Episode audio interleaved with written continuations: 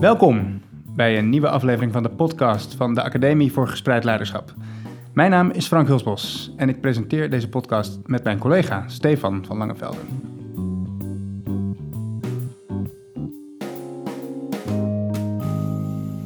Stefan, vandaag maken we een bijzonder uitstapje Ja. naar een hele andere wereld. Een wereld die met name voor mij grotendeels onbekend is, tot voor kort. Eh, de wereld van de accountancy. Eh, we zijn een hele eh, lange reis, hebben we vanochtend afgelegd om eh, in Zuid-Limburg aan te komen. En we zijn op bezoek bij Richard Knops. Klopt, ja. Nou ja, interessant om eens in gesprek te gaan. Het is ook leuk om een keer een andere context Ja. te zoeken, denk ik, met elkaar. We hebben het natuurlijk veel over het onderwijs. Maar ehm, ja, de accountancy is denk ik ook heel boeiend. Voor mij iets, iets eh, wel enigszins bekend, de accountancy. Mijn, eh, mijn vrouw die werkte in. Ehm, dus ik ben heel nieuwsgierig naar het gesprek met Richard. Welkom Richard in de Hallo. uitzending. Hallo, hoi. Leuk dat je met ons in gesprek wilt gaan. Eh, wij eh, leerden jou eh, kennen nadat je ons een mailtje stuurde. Ehm, je bent accountant en je stelt vast dat in jouw wereld van de accountancy positioneel leiderschap de boventoon voert. En je maakt je er eigenlijk hard voor om dat in de toekomst te veranderen. En je hebt op accountancyvanmorgen.nl een aantal blogs geschreven over Ja, gespreid klopt. leiderschap. Klopt hè? Ja, dat klopt, ja. Eh, en naar aanleiding van jouw blogs eh, kwamen we jou op het spoor, hebben we contact gezocht.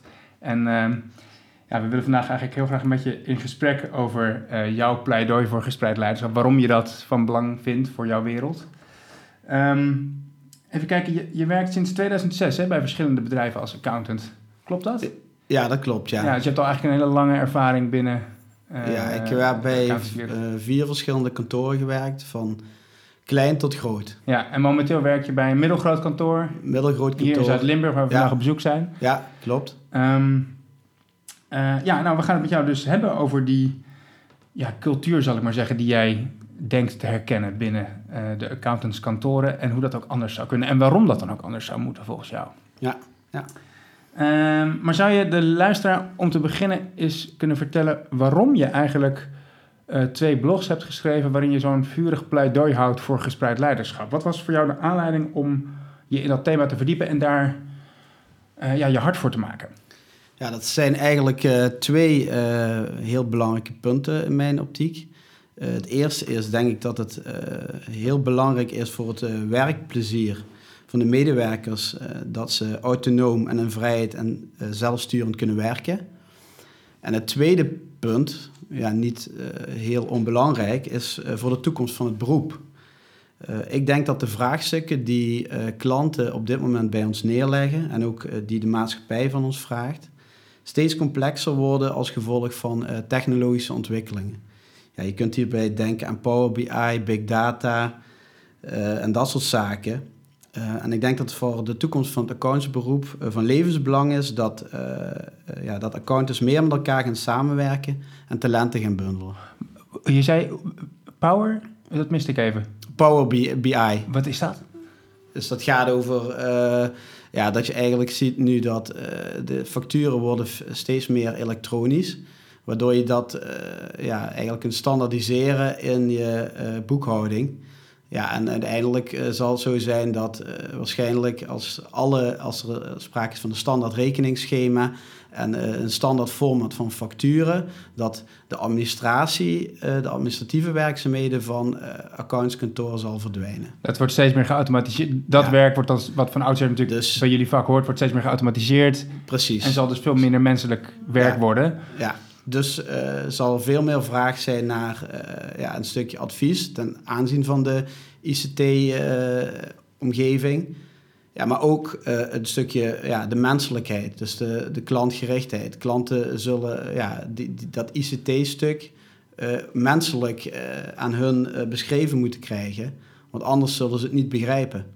Dus je zou kunnen zeggen dat de, de- in jouw ogen de vraagstukken steeds minder dat gestandaardiseerde werk worden en steeds meer vraagstukken worden die vragen om creativiteit en Precies. menselijk contact met de klant en een Ja. op maat gemaakt advies, zal ik maar zeggen. Precies. En dan kun je eigenlijk niet zonder ruimte om invloed uit te oefenen op de oplossingen die je de klant biedt. Of je, je Nou, ik zult daarvoor moeten nadenken over een meer gespreide Ik, leiderschap. wil- ik wil zelfs nog verder gaan. Ik denk niet dat je zonder elkaar kunt. Ik denk niet meer dat je vanuit eh, een klein kantoor of in ieder geval vanuit eh, diverse kantoren kunt handelen. Ik denk dat je daar naartoe moet om eh, echt veel meer samen met elkaar samen te werken. Om uiteindelijk ja, de klanten goed te kunnen helpen. En ook ja, het maatschappelijk verkeer. Want uiteraard het grootste gedeelte van ons werk bestaat ook uit wettelijke opdrachten. Ehm, ja goed, ook daar eh, zie je een verandering. Ja, dus het gaat niet alleen maar om de, de organisatiecultuur binnen het individuele kantoor, zou ik maar zeggen, maar ook tussen de kantoren Ja. pleit jij voor meer samenwerking en eh, verbinding eigenlijk om beter om te gaan met eh, complexe vraagstukken die je op En, en, bij, en bij mensen die bij klanten de boekhouding verzorgen en daar verantwoordelijk zijn voor de, ja, als controller. En, en eh, want eh, je zei ook werkplezier, hè? Is, is het dan zo belabberd gesteld daarmee? Nee, Of zijn dat- mensen, nee, gaan mensen met een, eh, met een uh, hoofd naar, naar, naar hun werk? Of valt dat nou ook? Nee, dat, dat, dat denk ik niet. Ehm, ik denk dat in de basis de mensen die dit werk interessant vinden, met veel plezier het werk doen. Wat, ik- wat je wel soms ziet, is dat, ja, dat er een cultuur soms is ja, waar het toch belangrijk is dat je declarabel bent. Mhm. Hm. En dat je ook lean werkt. Ja, en dat je ook eh, ja, dat je daar eh, heel erg bewust van bent. En lean werken, dat is voor de mensen Ja, die dat niet lean- kennen, is lean efficiënt wer- eh, Ja, werken, lean toch? werken betekent eh, ja, met zo min mogelijk tijd eh, doel bereiken ja, wat, wat je hebt afgesproken. Ja. Alleen daardoor, eh, ja, dat gaat soms ten koste van ja, die informatie die die misschien die klant echt eh, nodig heeft. Of die vraag die echt bij die klant speelt. En, eh, begrijp ik nou goed, zit dan de link met werkplezier op dat je misschien niet altijd het gevoel hebt het werk helemaal goed te kunnen doen, zeg maar kwalitatief helemaal zo te doen zoals je zou willen? Maar ik denk dat je de persoonlijke aandacht door, hierdoor niet altijd kunt geven wat je graag zou willen geven. En dat zit hem dan niet altijd in het eh, stukje declarabiliteit. Dus dat zit hem dan in Ja, dus je voelt je... randvoorwaarden, misschien andere zaken die, die je helemaal niet bespreekt, omdat je misschien daar eh, bepaalde druk voelt, om, om, omdat dan, dat je daar de ruimte niet voor, voor hebt. Ik moet ook denken aan eh, een term die eh, Jozef Kessels en Chip de Jong in hun boek hebben geïntroduceerd, of waar ze een heel vurig pleidooi voor houden, dat is betekenisvol werk. Ze hebben het in dat boek Denken in organisaties over ieder mens heeft recht op betekenisvol werk. Wat dus eigenlijk een soort werk is waar je echt voldoening uit haalt Ja. en wat ook voor anderen en voor de maatschappij zou je kunnen zeggen van belang is. Is dat wat zij bedoelen met betekenisvol Ja. werk iets wat in jouw ogen onder druk staat soms? Als je dat zo Nou, uitlegt van die nadruk Ik op denk dat eh, dat, declarabiliteit ik, enzovoort. ik, ik denk dat dat de basis, basis is geweest van ons beroeps. Als je kijkt hoe, hoe het beroep is ontstaan bij het Puntkoff-schandaal, dan is dat komt voort uit maatschappelijke, eh, ja, de, je maatschappelijke rol, zeg maar. Omdat daar eh, de accountant, eh, omdat daar gewoon geen boekhouding lag. Wat is dat, Ja, een maar- Pinkoffs? Dat ken ik ook niet inderdaad. Nou, dat, is, dat, dat ging erover dat, er, eh, dat er de, de klant, eh, zijn aandeelhouders, continu aangaf dat het heel goed ging met het bedrijf. Oh ja. Hm. Terwijl het in de praktijk zo was dat het ja, helemaal niet goed draaide, maar gewoon ze vergaten ver- ja, dingen te mee te consolideren, zeg maar. Maar dat, wanneer speelde dit? Eh, nou, en toen is het maatschappelijk verkeer, dat is van eh, 1879. ja, oké. ja, dus dat is... eh, Maar toen, even- toen, toen is dus de vraag gekomen vanuit het maatschappelijk verkeer van... hé, hey, eh, er moet een accountant komen, een controlerende accountant... die, eh, ja, goed, die- die ons zekerheid geeft over eh, de, de, de jaarrekening. En dat, heeft dat is natuurlijk heel belangrijk. Ja. Want aandeelhouders die niet in de onderneming zitten... Ja, die, die, die investeren geld of die nemen beslissingen daarop... op basis daarvan... de cijfers die jij aanlegt. Ja, zeker. Dat en dan worden, eh, precies, en banken ook. Banken verstrekken financieringen. Ehm, ja, verkopende partijen, die, eh, ja, die vinden dat belangrijk.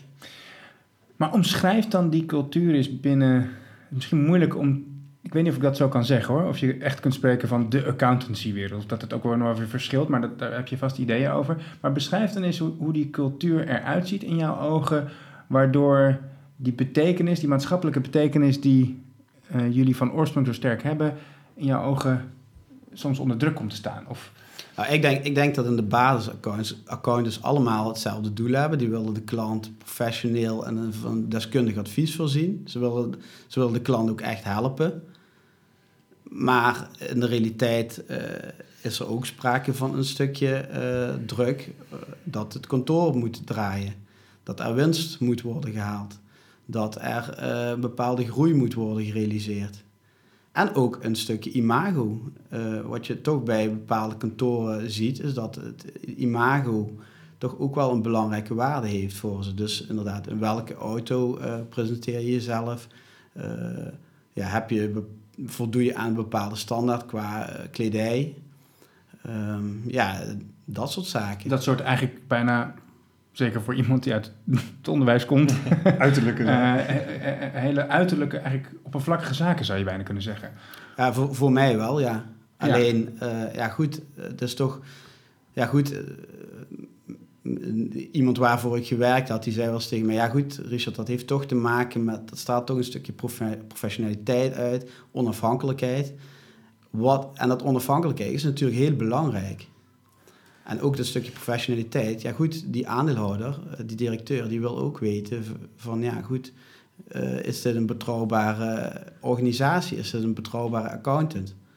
Ja, en, en dat kan ik wel goed begrijpen wat je zegt. Want op zich is, daar kan ik ook helemaal in mee. Dat, dat kleding die je draagt is natuurlijk mhm. niet onbelangrijk. Dat, dat zou natuurlijk ook, denk ik, een beetje raar zijn om dat te stellen. Maar als ik je goed begrijp, zeg je ermee... er is een soort gerichtheid op dat het vooral belangrijk wordt gevonden... dat je een mooie, dure auto rijdt en een maatpak. Eigenlijk iets te veel belangrijk wordt gevonden dan wat nog eigenlijk je echt onder professionaliteit zou kunnen scharen. Want je zou kunnen zeggen een maatpak ah, van 1500 euro en van 500 euro ja. verschillen misschien niet meer in termen van professionaliteit uitstralen. En, dat, en, dat, is de reden geweest voor mij, of een, een reden geweest voor mij om, om, om deze blog te schrijven. Uh, ja goed, uh, ik ben er in, uh, door Johannes Regelink eigenlijk opgekomen. Hij beschreef dat in zijn onderneming dat vond ik heel boeiend. Hij heeft het ook in, het, in zijn uh, organiseren als spreeuwen, heeft hij dat goed beschreven. Zo ben ik erop gekomen. Vervolgens heb ik enkele gesprekken met hem gehad. En toen kwam ik tot de conclusie van, hey, hier zit voor onze doelgroep toch nog wel iets om in ieder geval iets mee te doen. Ik geloof ook niet dat het volledig kan, maar uh, ja goed, ik denk zeker dat, het, uh, dat iets maar mee die, kan. die, die, die, um, um, die dingen die je net omschreef, hè? dus uh, belang van status, belang van uitstraling, uh, waardoor soms je betekenisvolle werk wat onder druk komt te staan. Hoe uitzicht dat dan in de leiderschapscultuur binnen, binnen accountancykantoren? In, eh, in mijn inleiding zei ik, Richard observeert dat positioneel leiderschap heel dominant is. Klopt dat inderdaad? Eh, hoe hiërarchisch is het nou eigenlijk eh, binnen een nou ja, accountancykantoor? Nou, ik denk dat het afhankelijk is van het, uh, een beetje van het type kantoor waar je werkt. Maar het is natuurlijk wel zo dat het heel vaak zo is dat eigenaren heel veel eigen geld uh, in de zaak hebben moeten, kunnen, hebben moeten steken om, om in ieder geval te starten. Nou, dat, dat als gevolg hiervan, uh, ja goed, uh, krijg je natuurlijk een bepaalde cultuur dat dat geld uh, moet wel terugverdiend worden. Mm Nou, dat leidt ertoe dat de, ja, zeg maar, hoe je je werk invult en hoe declarabel dat werk is en hoe efficiënt dat werk wordt ingevuld, ja, dat komt daarbij wel een beetje onder druk te staan. Heb, het, heb je daar een voorbeeld van? Ben ik benieuwd naar. Waar, waar merk je aan zeg maar, dat decla uh, declarabiliteit ja, dat zo belangrijk is? Nou, omdat dat heel vaak een onderdeel is van je beoordeling. Hm. Bijvoorbeeld. Ja, voor jonge dus, collega's of voor, voor in ieder geval niet, niet eigenaren van het kantoor is dat dan een belangrijk onderdeel van het beoordelingsgesprek. Ja, dus klanttevredenheid is het belangrijkste. Maar uh, ja, goed, hoe, hoe snel je je werk doet en uh, hoe, ja, en hoeveel dat oplevert, ja, is zeker uh, ook belangrijk. En ik snap dat ook wel. Het is ook niet zo dat ik dat niet snap. Je bent niet tegen geld verdienen of zo? Nee, nee zelf doe ik dat ook. Kijk, ik spreek ook wel eens met ondernemers. En dan denk ik van, ja goed, ik zit hier echt mijn tijd te verdoen. Dit is geen ondernemer. Die moet gewoon, ja, die kan beter in loondienst gaan werken. En ik, hier is niks meer, ja, ik kan niks meer toevoegen voor deze klant. Maar soms zijn er klanten, ja, die, die, die, die, die zitten met startersproblemen. Ja, en dan, ja goed, en dat komt geen geld binnen. Ja, en dan, en dan, ja, dan, is het een, dan wordt dat een probleem. Ja, dan begrijp je ook wel dat dat een probleem is, bedoel je? Dat is ook een probleem. En ik snap ook dat dat uh, bij, de, bij de kantoorleiding uh, ook geval- speelt. Ja, zeker Ja, dat dat vervelend is. Alleen Maar, is dan, maar waar gaat het dan mis, eh, zou je kunnen zeggen? Wanneer, geef eens een voorbeeld van een praktijk waarvan je zegt... Ja, daar zie ik dat die dominantie van zoiets als declarabiliteit, zeg maar economische groei, dat dat te veel de overhand neemt. Nou, dat is bijvoorbeeld als ik bij een, eh, een horecaondernemer kom en die zegt bijvoorbeeld tegen mij, nou kun je mijn eh, marges gaan analyseren. Maar ik wil er niet heel veel voor betalen. Nou, dan wordt dat een probleem. Dan moet ik tegen die klant zeggen, ja goed, ik wil het best voor je doen, maar reken er wel op dat ik een bepaald uurtarief eh, met me meeneem. En dat betekent dat ik soms niet die toegevoegde waarde kan leveren voor die klant, wat hij voorhand voor ogen had. Het is heel anders als ik zeg, ik kom eh, bij jou de jaarrekening controleren, want dat is een vast product. Of ik zeg, ik doe de boekhouding, dat kost je zoveel. Nou goed, dat is natuurlijk een heel ander product, daar kan ik heel duidelijk over zijn. Maar soms zijn er vragen die ik niet, bijvoorbeeld een klant komt naar mij toe, wil je mijn ondernemersplan eens beoordelen? Ik heb wel nog geen omzet, maar bekijk het eens. Nou kan ik je vertellen dat een goed ondernemersplan, als je dat goed wil beoordelen, dat je daar gewoon een, een, een vier tot vijf uur verder bent. Nou, en dan zeg ik, ja oké, dan kost je dat een x bedrag. En dan zegt die klant, ja ik wil dat niet betalen. Dus dat betekenisvol werk Komt ga, ik dan, ga ik dan niet doen. Ik, ik heb ook wel eens begrepen dat het voor. Maar dit, dit is echt van horen zeggen. Hè? Dus ik ben echt een complete buitenstaander. Dus ik ben heel Mhm. benieuwd hoe jullie daar naar kijken. Maar ik heb ook wel eens begrepen dat het kan gebeuren dat eh, jonge collega's.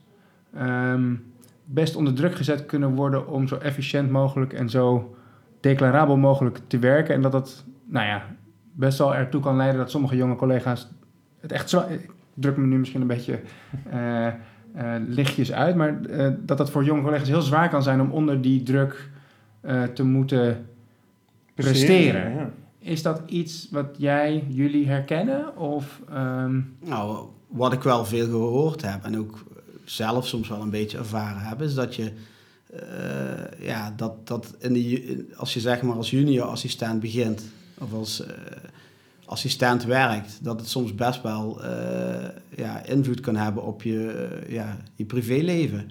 Want je moet toch een, eh, je studie combineren met werken. Je krijgt budgetten mee. Dat zegt eigenlijk van ja, oké, zo lang moet je over die klus doen. Want als je dat niet doet, ja, dan hebben we een afboeking. Ja, en, dat, en soms leidt het ertoe dat je, daar, dat je daar dan ook op wordt aangesproken. Nou, dan ga je, ja, althans sommige mensen die gaan dan s'avonds die uren inhalen, zodat ze wel kunnen voldoen aan die verwachtingen. Ja, dat, dat- en dat leidt soms ook echt tot eh burn-out verschijnselen eh, ja, en, en, en gedragsverandering ook wel. Een beetje een angstgedrag van, van, van, van medewerkers. herken jij dit, Stefan? Want jouw vrouw, hè, zei je al bij de introductie, werkte ook bij een accountantskantoor. Ja. Ehm, niet of we de naam daarvan mogen noemen. Laten we dat maar niet doen. maar herken, herken jij dat? Of eh, heb je, zie je dat bij haar ook gebeuren? Ja. Of bij haar collega's? Nou ja, en eh, kijk, het gaat natuurlijk niet over het, eh, het, het bestje van de accountie. Het gaat denk ik over interessant even blootleggen van wat de spanningen daar zijn. Dus het, wat ik zo hoor vanuit ook de accountie en de voorbeelden, is dat er inderdaad veel nadruk is op, op, op, op zorgen dat je declarabel bent. En dat dat met name bij de jongere collega's eigenlijk direct vanaf moment één heel erg sterk meegenomen wordt in de beoordeling. Dus ehm, ja, jij zei klanttevredenheid staat hoog. Ik heb het idee dat juist in de wat lagere regionen, dus dat zijn de junior assistenten inderdaad, dat daar het gesprek helemaal niet gevoerd wordt over klanttevredenheid, omdat dat helemaal niet als verantwoordelijkheid wordt gezien van de junior assistent. Daar wordt het gewoon gezien als jij moet de taken uitvoeren die wij voor jou hebben verzonnen. Dat zijn de teamleiders en zo, die, die, die bepalen zeg maar hoe dat vorm gaat krijgen, dat hele project zou je het kunnen noemen van de controle. En die, die zetten gewoon uit van junior assistent, jij moet dit doen. Jij moet deze taken uitvoeren en dat moet je eigenlijk wel het liefst ook binnen een bepaalde tijd doen. Ehm, en ja, ik kan me wel voorstellen dat dat, dat dat direct al snel tot druk leidt. Precies wat jij ook zegt, van je, je moet er ook eigenlijk een studie naast doen. En het gesprek gaat eh, volgens mij ook veel over eh, je moet groeien. Je moet je ontwikkelen, je moet beter worden. Nou, je zou kunnen zeggen dat is goed. En dat is het denk ik in zekere zin ook wel. Maar de nadruk is wel heel erg sterk van je moet, je moet eh, stapjes zetten in, eh, dus in salarisschaal en daarmee ook functie omhoog. En, eh, en anders, dan ga je er eigenlijk gewoon uit. Dat, Dat is het grow or go. ja, dat, hebben ze natuurlijk, dat, dat noemen ze zelf, ook de accountancy noemt dat zelf ook gewoon grow or go. Daar zijn ze open en transparant over, dus dat, je zou kunnen zeggen, daar zijn ze eerlijk over. En tegelijkertijd is dat ook wel, denk ik, een interessante dynamiek. Het lijkt wel een soort constante, ja, ik zou wel denken, druk bij iedereen te liggen van je moet presteren, je moet voldoen en daar moet je eigenlijk, dat moet op nummer één staan bij jou. Je en, moet en er dit- is dus een duidelijke hiërarchie in plaats om Ja. dat te controleren en te sturen en Ja. eh, af te dwingen, als ik het even heel scherp stel. Nou ja, dat, en, dat als, en als je daar niet aan conformeert, dan ga je dus. Ja. Dan ga je eruit. Is, dat, is, dat, is, is Dat- die analyse van dat klopt, ja. kloppend? Ja, Dat klopt. Alleen ja, dat, dat eh, positioneel leiderschap is in principe ook wel eh, een beetje logisch. Want ja goed, eh, Chip doet, spreekt daar volgens mij over in een van zijn eh eh, chipcasts. Dat hij zegt van, eh, ja het is een beetje een gilde, het gilde model. En dat Mhm. klopt natuurlijk ook. Want kijk, ik doe dit beroep nu al ongeveer ja, 12 jaar. Ja, dan, dan, dan weet je wat meer inderdaad. En dan, dan, kun je, ja, dan heb je een betere visie op het beroep dan wanneer je dat de eerste drie jaar doet. En gewoon meer kennis en ervaring Dus je, natuurlijk. je, Je, meer je moet, situaties je moet, ze- meegemaakt. ja, je moet, je moet daarin mensen begeleiden. Dat, dat kan niet anders. En dat betekent direct dat, er, eh, ja, dat, je dus, eh, ja, dat je dus altijd invloed uitoefent op die persoon. Alleen wat, wat ik dan anders tegenaan kijk, ik denk dat die jonge assistenten, eh, ja, als zij een bepaald talent hebben, mij ook, mij ook dingen kunnen leren. Ja. Ja, en volgens mij onderschrijf je, beschrijf je nu eigenlijk het verschil tussen wat je een prestatieparadigma of een ontwikkelgericht paradigma zou kunnen noemen. Ehm, zo- zoals het nu vorm lijkt te krijgen. Kijk, dat, laat ik eerst wat anders zeggen. Dat er verschillen zijn tussen mensen in- in ervaring, kennis, talent en expertise. Dat is natuurlijk overal zo. En dat is ook goed, juist, zou je bijna kunnen zeggen. De, heel goed. het is fijn dat er een diversiteit aan mensen in je organisatie is, zodat je met verschillende problemen om kunt gaan. En zodat je met, bij verschillende klanten misschien verschillende collega's naar voren kunt... Nou ja, noem maar, je kan je daar van alles bij bedenken natuurlijk. Maar het idee dat degene met de meeste ervaring per definitie... vanuit een soort top-down leiderschap sturing moet geven aan de jongeren... dat is een keuze. Maar je kan ook zeggen van, dat zou dan meer het ontwikkelgerichte paradigma zijn... van hoe kunnen wij een samenwerking aangaan waarbinnen we allebei kunnen leren... en waarbinnen ik ook iets kan leren van jou. Ja, ja daar, Dat is volgens mij wat jij, waar jij daar- een pleidooi ja, voor houdt. Hè? Precies. Ik, ik heb wel eens een stagiaire gehad die... eh, ja goed, ik heb de neiging bij klanten om, om heel veel te praten. Omdat ik daar mijn toegevoegde waarde duidelijk kan maken.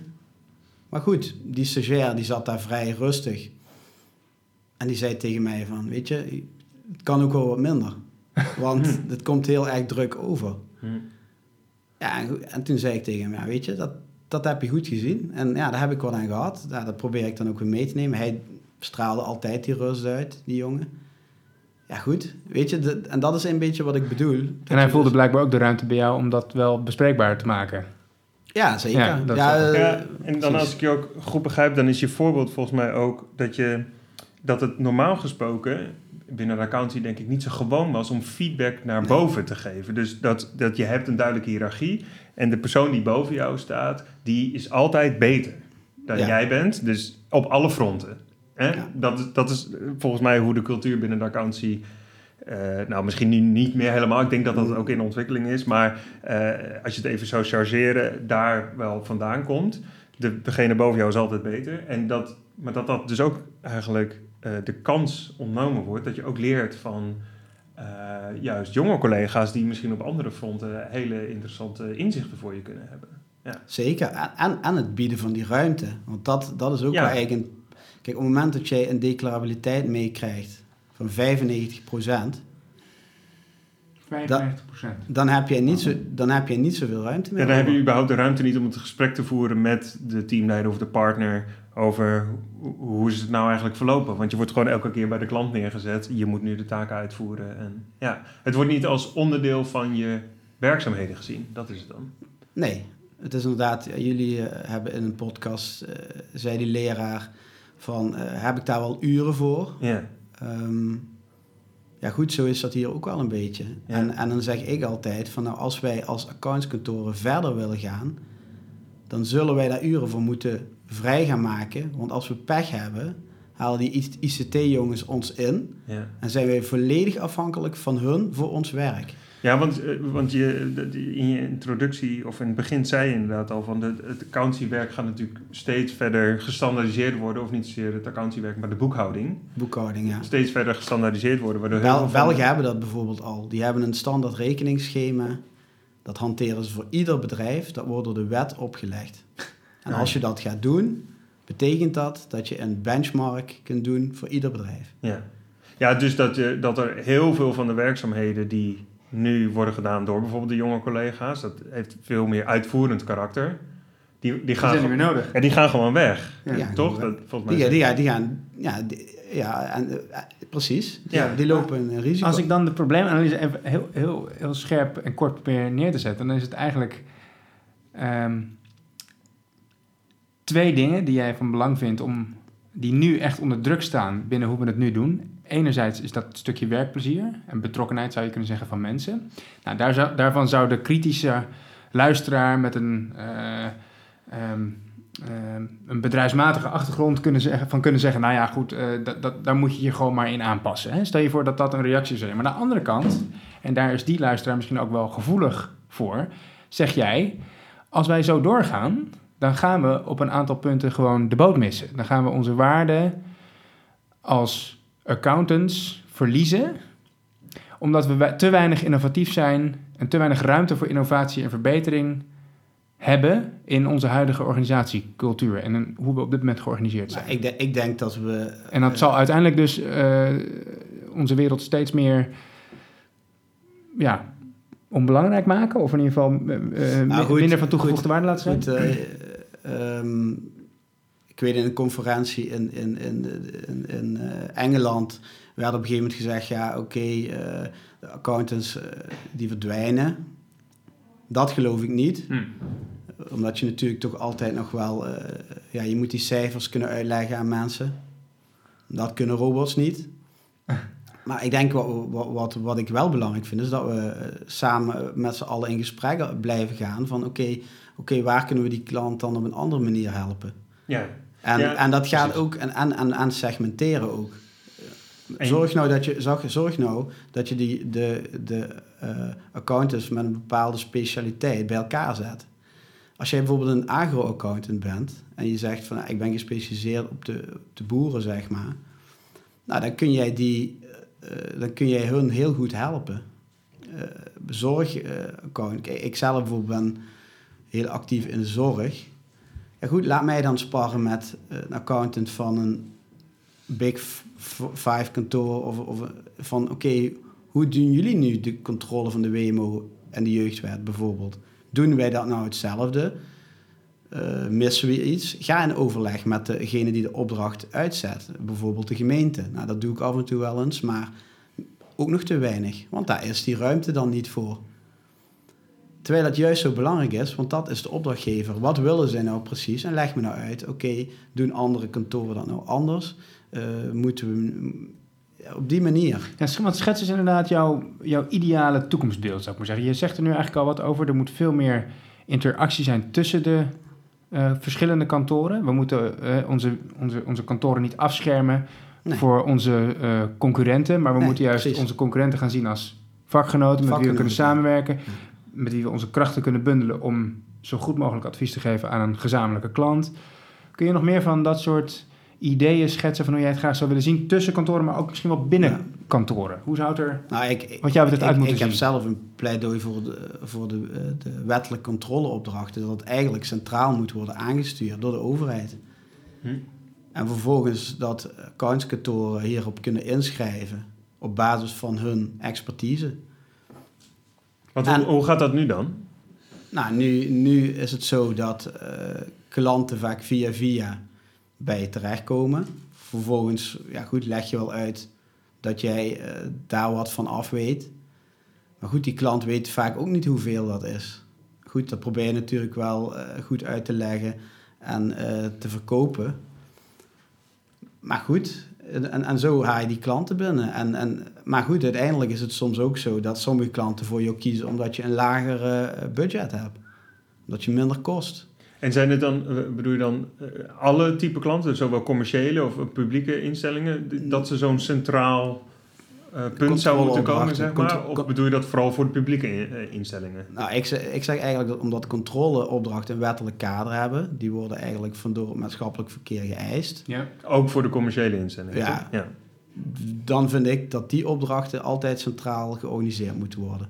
Ja. Omdat dan een onafhankelijke beoordeelt of die accountant wel de juiste intenties heeft om die opdracht en de juiste kwaliteit, misschien ook wel de juiste expertise om die opdracht te kunnen uitvoeren. Maar dat zou een soort aanpassing kunnen zijn om op macroniveau, zou ik maar zeggen, ervoor te zorgen dat eh, opdrachtgevers, bedrijven niet kiezen voor het kantoor met de allerlaagste prijs. Ja. Maar dat, ze, maar, dat, maar dat degene die het beste die bepaalde opdracht, bijvoorbeeld omdat hij heel erg gespecialiseerd is in de zorg of Precies. in een andere sector, dat die partij die opdracht krijgt. Dat is eigenlijk een kwaliteitsbevorderende Ja, maatregel. ik, denk ook dat zeggen. dat, toekomst, eh, dat dat veel meer toekomstgericht is. Ja. Omdat het gewoon eh, veel transparanter is, ook naar de klanten. Hey, en wat zou er dan moeten veranderen in de, ja, de organisatiecultuur of structuur binnen, ja, binnen kantoren om meer toe te werken naar dat ideaalbeeld wat jij hebt? Want je Nou, zei, dan denk ik dat, het, wat daarin heel belangrijk is, is dat eh, de kantoorleiding zich realiseert dat we het, dat we het met z'n allen doen. En dat, dat we ook echt elkaar allemaal nodig hebben om vooruit te, te kunnen. En minder vanuit het eh prestatieparadigma te, te denken. Ik snap dat dat niet... Dat, kijk, het kantoor moet ook eh, draaien, dus het is logisch dat je dat belangrijk vindt. Maar goed, ja, Jozef Kessel schrijft dat eigenlijk in zijn... eh ja, houdt daar een pleidooi voor. En hij besch- beschrijft erin ja, ehm, het inspirerend vermogen... ehm, van de, in, Zeg maar inspireren, leider. motiveren, intellectueel stimuleren, individuele betrokkenheid en het charismatisch rolgedrag. Ja, dat goed. zijn dingen die jij zou verlangen zeg maar, van de positionele leiders Ja. binnen de accountancykantoren. ja, ik, ik ben dus ook geen voorstander van het niet hebben van een positionele leider, omdat ik denk dat dan, krijg je, dan wordt iemand anders weer de informeel positioneel leider. Dus Mhm. ik geloof daar niet in. Ik geloof altijd in dat er altijd iemand, eh, ja, zoals jullie dat noemen, de held is. Maar die held, die moet wel die ruimte bieden aan die mensen om, om, om ze dat te laten doen daar waar ze het beste in Maar het is zijn. dan dus de vraag, want dat gedrag, wat jij nu dan, dat neem ik dan maar even aan, bij veel positioneel leiders binnen kantoren mist, dat wordt waarschijnlijk eh, dan ook niet aangewakkerd of niet beloond. Hè, zou je, tenminste, dat zou een verklaring kunnen zijn. Dus wat zou een context zijn waarbinnen dat gedrag ook meer naar voren komt? Hè, dat wat je zegt, eh, eh, oog hebben voor individuele medewerkers, ehm, Mhm. de dingen die je net noemde. Binnen welke context staan dat soort mensen op eigenlijk, zou je bijna kunnen zeggen. Snap je wat ik Mhm. bedoel, Stefan? Ja, ja, ja. Eh, blijkbaar wordt dat ook niet... Het is niet voor niks, denk ik, dat er... Nou, dus stand, het, het standaard cliché is natuurlijk... het volk krijgt de leider die die, die, die, die verdient. Hè? Maar dat is misschien een beetje korter de bocht. Maar blijkbaar is de context er ook naar... dat er positionele leiders op die positie komen... die meer dat directieve Dat zou- ik denk, ik, denk dat mede, ik denk dat medewerkers het ook prettig vinden, eerlijk gezegd. Hmm. Ik denk dat ze het zo gewend zijn. Eh, ik had toevallig een, ja, een jongen die hier bij ons heeft gewerkt. Die zei van, oh zo is dat. Hij kwam niet uit accountancy. En ja, goed. Hij was dat niet mee, hij was dat niet gewend. Uren schrijven bijvoorbeeld. Maar goed, als je daarmee bent opgevoed, dan weet je niet anders. Ja, ik, ik denk dat dat een sterk element is inderdaad. Dat we, ehm, we hadden het natuurlijk ook al over grow or go. Ik denk dat dat een selectie-effect heeft. Ja. Namelijk, je selecteert met zo'n principe, selecteer je een type mensen die zich conformeren Aan, Aan het, deze- aan het prestatieparadigma. aan het prestatieparadigma. Prestatie, Dus Vaak zijn het ook mensen die dat... Zijn vaak eh, mensen met een winnersmentaliteit. Ja, ja dus die, die, die, die veel eh, eh, ontlenen aan het feit dat de omzet goed eh, Ja. draait. Eh, en om die er dan ook weer bij te halen, de auto mooi is, eh, dat allemaal. Dus die, die dat als belangrijke indicatoren zien voor zichzelf. Ehm, en daarmee ook heb ik dus het idee, eh, eh, eh, ehm, het, het beeld blijft bestaan dat de mensen onder jou de ondergeschikte, zeg maar, dat dat de middelen zijn om daar te komen. Dus dat dat middelen voor jou zijn als partner. En ik stel het wel, denk ik, wel, wel flink wat scherper dan het, denk ik, gevoelsmatig is. Want ik Ja, denk dat er ook wel echt die- die- anders wordt... Mag ik daar één kort Ja? iets op zeggen? Maar maak daar, daarna vooral je punt af. Ja? Eh, voor de luisteraar die nu denkt van... oh, die jongens hebben blijkbaar een idee van dat het echt een hel is binnen de accountantskantoren. Dat denk ik niet per se dat jij dat nu bedoelt. Nee. Ehm, want het kan natuurlijk heel goed zijn dat je ook binnen deze cultuur het heel erg naar je zin hebt. En dat je leuke Precies. collega's hebt en dat je in het intermenselijke contact nog steeds een heel aangename werkcultuur ervaart. Maar dat neemt niet weg dat het inderdaad de moeite waard is om te verkennen wat is hier nou in de kern precies voor systeem in plaats. Ja. Hè? En dat lijkt inderdaad veel weg te hebben van een focus op prestatie, eh, wat een bepaald type mens aantrekt, wat dus ook op de hoogste posities terechtkomt en die vervolgens weer dat prestatieparadigma weer doorgeven en vanuit dat prestatieparadigma hun leiderschap invullen. Ja, Toch? Dat is Nee, dus wat jij dat te zeggen. ja, wat dus niet per se betekent, om eventjes die angel eruit te halen, dat het, eh, vers- dat het verschrikkelijk is. eh, Nee. Iedere dag dat je in een kantoor ik- rondloopt. Dat, dat hoeft natuurlijk niet per se zo te zijn. Want eh, ik doe dit natuurlijk al twaalf jaar. Ja, en, en alle kantoren waar ik bij gewerkt heb, daar werkte ik met plezier. Alleen wat me wel altijd opviel is van, oké, eh, ja, het ene kantoor die is, ja, is zo ingericht en het andere kantoor is zo ingericht. Maar in de bottom line blijft het zo van dat declarabiliteit en eh, ja, groei die je doormaakt altijd een, eh, ja, bovenaan de lijst staat bij je beoordelingen. Ja. Ja. ja, want dat merk ik bijvoorbeeld aan bij het kantoor van mijn vrouw. Denk ik. denk als je daar de cultuur, voor wat ik ervan meekrijg, hè, zou willen omschrijven, dan is dat, eh, gaan ze heel erg prettig met elkaar om. Ja. Ehm, je zou kunnen zeggen, de hiërarchie die er is, is ook niet constant dominant en leidend. Dus er wordt ook wel degelijk gewoon goed, goede gesprekken met elkaar gevoerd. Ook gewoon tussen de teamleider en de junior assistent. Dus daarom, het is niet zo scherp als we het stellen.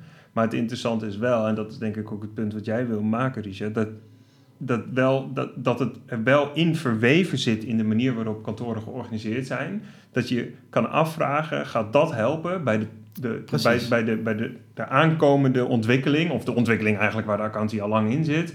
Namelijk dat we, dat we niet meer kunnen spreken van dat er heel veel uitvoerend werk is. Dat gaat er allemaal uit. We, hebben, we moeten professionals hebben die eigenlijk vanaf moment één Kunnen in innoveren. kunnen innoveren en in gesprek zijn. En, da- en dan moet je dus met elkaar samenwerken. En dan Ja. moet je vanaf moment één gaan doen. Dus, dus vakkennis is absoluut nog steeds belangrijk. Dus opleiding. Precies. En dat, we- dat, hè, ze gaan natuurlijk vanaf moment één gaan de accountants ook allemaal direct in opleiding aan universiteiten. Eh, combineren dat met hun werk, waar ze veel praktijkervaring op doen. Dus volgens mij zou je pleidooi denk ik ook niet zijn om dat allemaal weg te halen. Nee. Maar dat vanaf moment één al wel die collega direct serieus genomen Ja. wordt. Van we hebben jou nodig Ja. om eh, vanuit jouw eh, talenten, expertise, interesses nu al direct mee te denken en te sparren en samen te werken om eh, echt te voorzien in de opdracht die voor ons Ja, want samenwerken inderdaad door formele positie en rang heen. Hè? Dus Ja, eh, inderdaad dat dat idee wat je eerder schetste van dat je eigenlijk al meteen iets kunt leren van een jonge collega, ook al heb je al 15 jaar ervaring. Maar als dan de sleutel, zeg maar, of de eerste stap die we zouden moeten zetten, is om ehm, ja, te verlangen, zou ik maar zeggen, van onze positionele leiders, dat ze zich meer gaan gedragen als die, zeg maar, verlichte, om, transformationele leider, hè, die dus eh, oog heeft voor medewerkers, medewerkers stimuleert, betrekt, motiveert enzovoorts. Ehm, eh, ja, dan vraagt dat dus eigenlijk, zou je bijna kunnen zeggen, om een soort totale herijking van wat we belangrijk vinden in het vak. Want we zeggen eerder, hoe we ons nu, of hoe we nu kijken naar wat voor ons belangrijk is, trekt dus een bepaald type soort leider aan. positionele Ja. leider aan. En dat willen we veranderen. Maar dan moeten we dus eigenlijk, toch, eh Richard, eens. dan moeten we eigenlijk Het is inderdaad lastig, maar ik denk, dat systeem- je, ik denk dat je gewoon... shift maken. Ik denk dat, die, dat, die men, dat de, de, de, de positionele leiders moeten realiseren dat de, dat de, de wereld verandert. En dat het, eh, dat het niet anders kan, op die, ja, dat het moet veranderen. Alleen, ik ben wel van mening dat er nog altijd eh, afspraken en doelen gesteld Ja. moeten worden met medewerkers. eh, die natuurlijk ook in lijn zijn met ja, de, de voortgang van je onderneming. En dat betekent dus ook dat je, ja, goed, dat je daar ook afspraken over maakt en die, dat die worden nagekomen. Maar er mag wel, wel een, een stuk ruimte worden gemaakt voor, eh, ja, voor dat stuk samenwerking. En, dat, en dan heb ik het niet alleen over de samenwerking tussen de collega's onderling. Nee, ik heb het ook over samenwerking met, eh, ja, met andere partijen. Ja. Ja. En als ik het, eh, volgens mij zijn er ook al wel wat voorbeelden te noemen van accountancy op dit moment. Dus de ontwikkeling binnen de accountancy die volgens mij al een beetje hier naartoe neigt. Ik heb het idee dat de accountancy hier ook wel enigszins bewust van is. Heel bewust.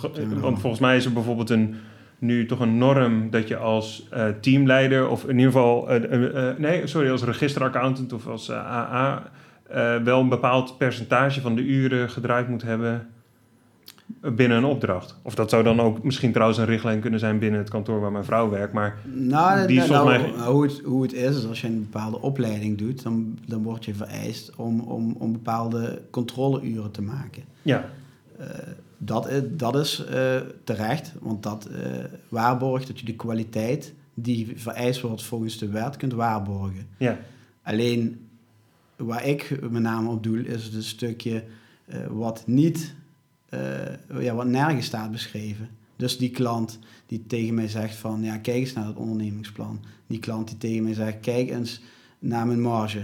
Die klant die tegen mij zegt van, eh, nou, ik heb nieuwe ideeën eh, over een nieuw product. Hoe, hoe kijk je daar tegenaan? Zonder daar een vergoeding voor te krijgen. En nu, nu snap ik ook wel dat we dat wel doen. Maar ik denk dat we dat nog soms te weinig doen. En ook overleggen met andere collega's. Dus ik, we gaan dan ook naar diverse overleggen waar we bij, met accountants bij elkaar zitten. Daar praten we heel erg over vaktechnische onderwerpen. Maar het is niet vaak dat we bij elkaar in de keuken kijken. Nee. hm. Want dat willen we niet. want jullie zijn concurrenten. Want je bent concurrent. Ja, Kijk, en dat vind ik soms wel jammer. Maar nogmaals, ik begrijp het wel waar dit voorkomt. En daar zeg ik soms van, ja goed, misschien mag dat wel wat minder. Hey Richard, je zei eh, in de voorbereiding op dit gesprek dat je eigenlijk hoopt dat deze podcast en jouw blogs ook die je geschreven hebt, dus te vinden nogmaals op accountancyvanmorgen.nl En ook de accountant.nl. en de accountant.nl, dat die een gesprek binnen jouw Ja. vak op gang brengen over deze vragen. Ik bedoel, eh, iedereen mag daar natuurlijk ook zijn eigen mening in verkondigen. Dit is jouw, je hebt jouw mening proberen uiteen te zetten in de afgelopen drie kwartier, maar we gaan graag ook in gesprek hè, met eh, collega's. Hoe, wat zou jouw oproep of wat zou jouw vraag aan hen zijn waar je het met hun Nou, wel- over wilt hebben? Waar je het gesprek over wilt aanwakkeren? nou ik, ik denk eh, het belangrijkste is dat je de mensen daar inzet, daar waar ze het beste in zijn. Nou, ik zou ook een, een vraag bij de MBA willen neerleggen van waarom centraliseren we niet de controleopdrachten? Want de MBA, dat is misschien goed om even toe te leggen. Ja, dat is de Neder- Nederlandse beroepsorganisatie van accountants. Daar ben ik ook ingeschreven. Eh nou goed, daar wordt eigenlijk eh, alles uitgezet, eh, landelijk. Ja, dus je zou kunnen zeggen dat is eigenlijk de vereniging van Ja. alle geregistreerde accountants. Precies. Toch? Ja. Ja, ja goed, en daar, en daar heb ik wel ideeën over. Ja, goed, wat ik denk belangrijk is, dat dat gewoon dat we, en dat bedoel ik met de accountantsorganisaties, dat die daarmee met elkaar in gesprek eh, Ja. over gaan. Ook bijvoorbeeld bij de Young Profs bijvoorbeeld. Ja goed, daar heb ik ook de vraag al eens neergelegd. Daar waren ze ook, waren ze ook heel enthousiast over dit onderwerp. Ja goed, ik, ik zou het leuk vinden als ik daar wat meer over terugzie. ja. Ik weet niet of dat lukt, maar... Zo. Maar er zijn denk ik heel veel natuurlijk aanknopingspunten waar we het gesprek met elkaar over aan zouden kunnen gaan. Hè? Ook inderdaad van hoe gaan we om met onze jonge collega's? Hoe gaan we om met beoordelingen? Eh, hoe zien we de samenwerking tussen kantoren precies voor ons? Is dat iets waar we meer naartoe zouden kunnen bewegen? Jouw kernpunt van eh, wat vraagt het nou eigenlijk van een positioneel leider in de accountancywereld om in de toekomst meer toegerust te zijn voor wat op ons afkomt? Ik denk dat dat ook nog wel een discussie eh, waard is. Ik kan me helemaal vinden in je opvattingen, maar misschien dat er andere mensen ook weer gedachten over hebben. Nou, Zullen we en- gewoon en een oproep zou- doen, Stefan, aan de luisteraar om te reageren op ons gesprek? Ja, en Bij deze. ja, inderdaad. Nou ja, en, de, en een interessante vraag die mij ook nog te binnen schiet, is, is inderdaad hoe gaat het dan concreet vorm krijgen, zeg maar, de organisatie? Want het heeft nu zo'n zo'n duidelijke vorm gekregen, zeg maar, in een Mhm. duidelijke hiërarchie. Ehm, maar dat, het zet dan ook wel te denken over, kunnen we die vorm nog houden? Handhaven. Kunnen we dat inderdaad nog handhaven? Of moeten we ook gaan nadenken over echt andere manieren van organiseren? Ik ben wel benieuwd, Richard, of je daar ook al wel beelden bij hebt. Van zou het... Nou, dat, dat, daar ben ik heel uitgespro- uitgesproken in. Ik denk dat, er, dat het altijd noodzakelijk is dat er een positioneel leider is, omdat die de koers bepaalt. Alleen wat ik denk is dat die positioneel leiders die daar zitten, op een- dat die veel meer met elkaar in gesprek gaan. Eh, en ook eh, ja, dat, dat, dat dat zorgt voor een cultuurver, cultuurverandering. Het is op zich ook nog een interessante, eh, in ieder geval een interessant experiment of een gedachteoefening om na te denken over hoe een accountantskantoor zou functioneren zonder positioneel leider. Ja, Want wat ik wel ook wel weer grappig vind aan jouw uitspraak, is dat eh, accountants over het algemeen heel hoog opgeleid zijn. Dat zijn ze allemaal. Ja. ja. Ehm, het zijn dus slimme professionals die een heel grote specialisatie vaak ook opbouwen, zeker naarmate ze langere tijd werkzaam zijn. Dat klopt toch allemaal wat ik nu zeg? Zeker. Ik, ik denk dat, we, dat, dat alle... Ja goed, ik kom wel eens bij bedrijven en dan vraag ik wel eens van wie, wie doet bij jou de jaarrekening? Is dat een administrateur of is dat een accountant? En als ze dan zeggen het is een accountant, dan weet ik dat die eh, wel een bepaalde kwaliteit heeft. Ja. En dat is niet arrogant, dat is, ja, dat is zo. ja. En ik moet dan denken aan, als ik dit allemaal zo op een rijtje zet, moet ik denken aan de titel van het boek van Mathieu Weggeman uit 2007, geloof ik. Leiding geven aan professionals. Niet doen. niet doen. Hè? Mm. Dat is natuurlijk daar heel uitgesproken in. Ehm, maar goed, dat zou ook wel weer een interessante vraag kunnen zijn aan de luisteraar. Van, goh, zit je meer op de lijn van Richard? Of vind je het ook een interessante gedachte om, om na te denken over hoe zou een accountantskantoor zonder formeel leider eruit zien? Nou, ik vind het nog wel interessant eh, om, om toch nog heel even aan je te vragen, Richard. Want ik weet ook dat in een eerder gesprek dat we hadden, zei je eh, dat jouw ideeën ook wel waren. Kunnen we positionele leiders, maar dan wel met hun eigen specialisatie binnen de organisatie. Dus ik ben benieuwd, hoe Hmm. kijk je er dan naar? Kijk je ernaar, er moet één, één centrale leider zijn die eigenlijk op alle fronten de koers bepaalt en de lijn uitzet en zicht houdt op de kwaliteit. Dat, dus dat, het, dat de piramide echt toeleidt naar één stipje, een persoon. Ja. Of, Of zie je het meer- dan als dat je op allerlei belangrijke domeinen, zou je kunnen zeggen, binnen, jullie, binnen het kantoor, er een positionele Hmm. leider is die dat in, de- in, de, in de gaten houdt of eh, de, de koers uitzet, zoals je Op dat thema. Dus dan is het Ja, meer onderwerp gerelateerd wat je En dan, positioneel leiderschap behelst. en dan kom je automatisch uit bij dat je wel eh, minimaal eh, vier, vijf, eh, ik noem maar wat, positionele leiders hebt. Hoe, hoe kijk je Ja. daarnaar? Ja, ik zou dat heel graag willen. Maar in de praktijk is het zo dat sommige mensen de verantwoordelijkheid niet willen. Dus dan kom je toch vaak op één of twee personen uit. Nou goed, ik denk dat je wat je wel altijd moet doen, is te kijken van wie is ergens eh, expert. Die geeft je wel die verantwoordelijkheid op dat gebied en ook de grootste invloed. Maar in de praktijk is het toch zo dat sommige mensen liefst niet de verantwoordelijkheid willen.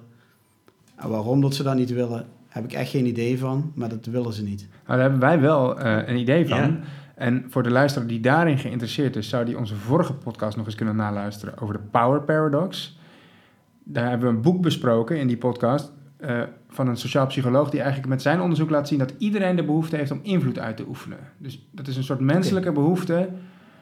Ehm, maar niet om jouw eh, punt eh te niet te doen, want ik denk dat jouw observatie heel erg klopt. Dat er mensen zijn die zullen zeggen van ik wil die verantwoordelijkheid niet. Maar dat zou volgens in ieder geval dat boek wat wij hebben Ja, besproken de vorige keer veel meer iets zijn wat mensen na verloop van tijd zich hebben aangeleerd of hebben aangemeten vanuit een soort verdedigingsmechanisme of vanuit een soort gewoonte, dan dat het is of dat, de, hè, dat, het, dat het een feit is dat er bepaalde mensen zijn die geen invloed of verantwoordelijkheid willen nemen. Ja, ik denk dat het een uitvloeisel kan zijn van de manier waarop dus de accountancy op dit moment Ja. georganiseerd is. Dat Dat- zou ook het, mijn is analyse het is iets waar je nooit echt eh, vanaf moment één als accountant, zeg maar, eh, een beroep op voor je wordt gedaan. Want het, de allereerste uitnodiging die je krijgt is, je moet even schikken naar ons. Je moet schikken naar dat wat wij hebben verzonnen. Je moet uitvoeren wat wij je hebben verteld. Dus de eerste uitnodiging is niet, kom... eh, eh, Nee, Hoe kijk jij er eigenlijk tegenaan? ja, of oefen invloed uit. Ja. Dus als je dan op de positie gaat komen, eh, of de vraag, eh, oké, wil je dan nu een verantwoordelijke positie vervullen? Dan kan ik me heel goed voorstellen dat je enorm terughoudend bent om dat te, te, te willen doen. Omdat je, omdat je het helemaal niet gewoon bent. Het is heel... Ja, een interessant eh, punt. Ehm, we gaan naar een afronding. Ik Ja. vond het een, uit, een ontzettend boeiend gesprek. Ja, absoluut. Ja, Hoe, eh, vond jij het ook leuk, eh, Richard? Nou, wat ik graag wilde, of in ieder geval wil met dit, is dat het gewoon, ja, dat het gewoon eh, uitgelegd wordt, in ieder geval, en beschreven wordt zoals ik dingen soms zie. En, en ik denk dat, ja, ik vind het gewoon belangrijk dat we vooruit gaan met z'n allen. Ja. En dat we echt die complexe vraagstukken die er, die er echt liggen, dat we die ook echt gaan eh, aanpakken met z'n allen. Ja. En dat we elkaar niet zozeer als concurrenten zien, maar dat we ook gewoon, gewoon elkaar bij de hand pakken en zeggen van, weet je, waar ben jij nou echt goed in? Ja. En, en, en, en ik doe dat vaker nu hoor, dat ik zeg van, ja, weet je, leg me dit eens uit, hoe doe je dat nou? Welke controleprogramma's gebruik je? Eh, eh, hoe, hoe, voeren, hoe voeren jullie die controle uit voor, bij de zorginstellingen? Hoe, maar ook op de werkvloer zelf. Oké, de stagiaire is dit er. Eh, ja, goed, waar kan hij misschien ons iets leren? Doen die dingen op school die we misschien helemaal hier niet doen? Ehm, hoe doe je dat bij andere stagekantoren? Hoe, hoe vullen die de stage in? Dat soort zaken. ja. Ja, daar is het nu nog gewoon te weinig van. Nou, laat dit een uitnodiging zijn van jou en ook van ons om daar het gesprek met elkaar over te voeren. Zeker. Dankjewel, Richard. Dat we bezoek bij, op bezoek bij je mochten zijn en met je het gesprek aan mochten gaan. Eh dankjewel, Stefan. Ook. Ja, eh, graag gedaan. Ja, Eh, en beste luisteraars, tot de volgende keer. Ja, tot de volgende keer. Ik weet het eigenlijk niet. Volgens mij hebben we op dit moment... Ja, we hebben wel een podcast in de planning staan. We hebben al eerder gezegd, geloof ik, dat we Bob Stel onder andere mee in gesprek gaan. En we gaan binnenkort ook nog naar een eh, school, toch? Ja, daar weet jij meer van, Frank. Ja, we gaan binnenkort ook naar het Emmaus College. Ja, klopt. Dat zijn eh, podcasts die eh, nog, de luisteraar nog kan verwachten de komende tijd. Ja, inderdaad. En ook altijd, zoals altijd, de oproep. Vind je het leuk als wij een keertje langskomen? Of heb je een suggestie voor wie we vooral eens zouden moeten spreken? Dan zijn we er altijd nieuwsgierig naar. Je kunt ons mailen op contact.gespreidleiderschap.nl En eh, nou ja, tot de volgende keer. Tot de volgende keer.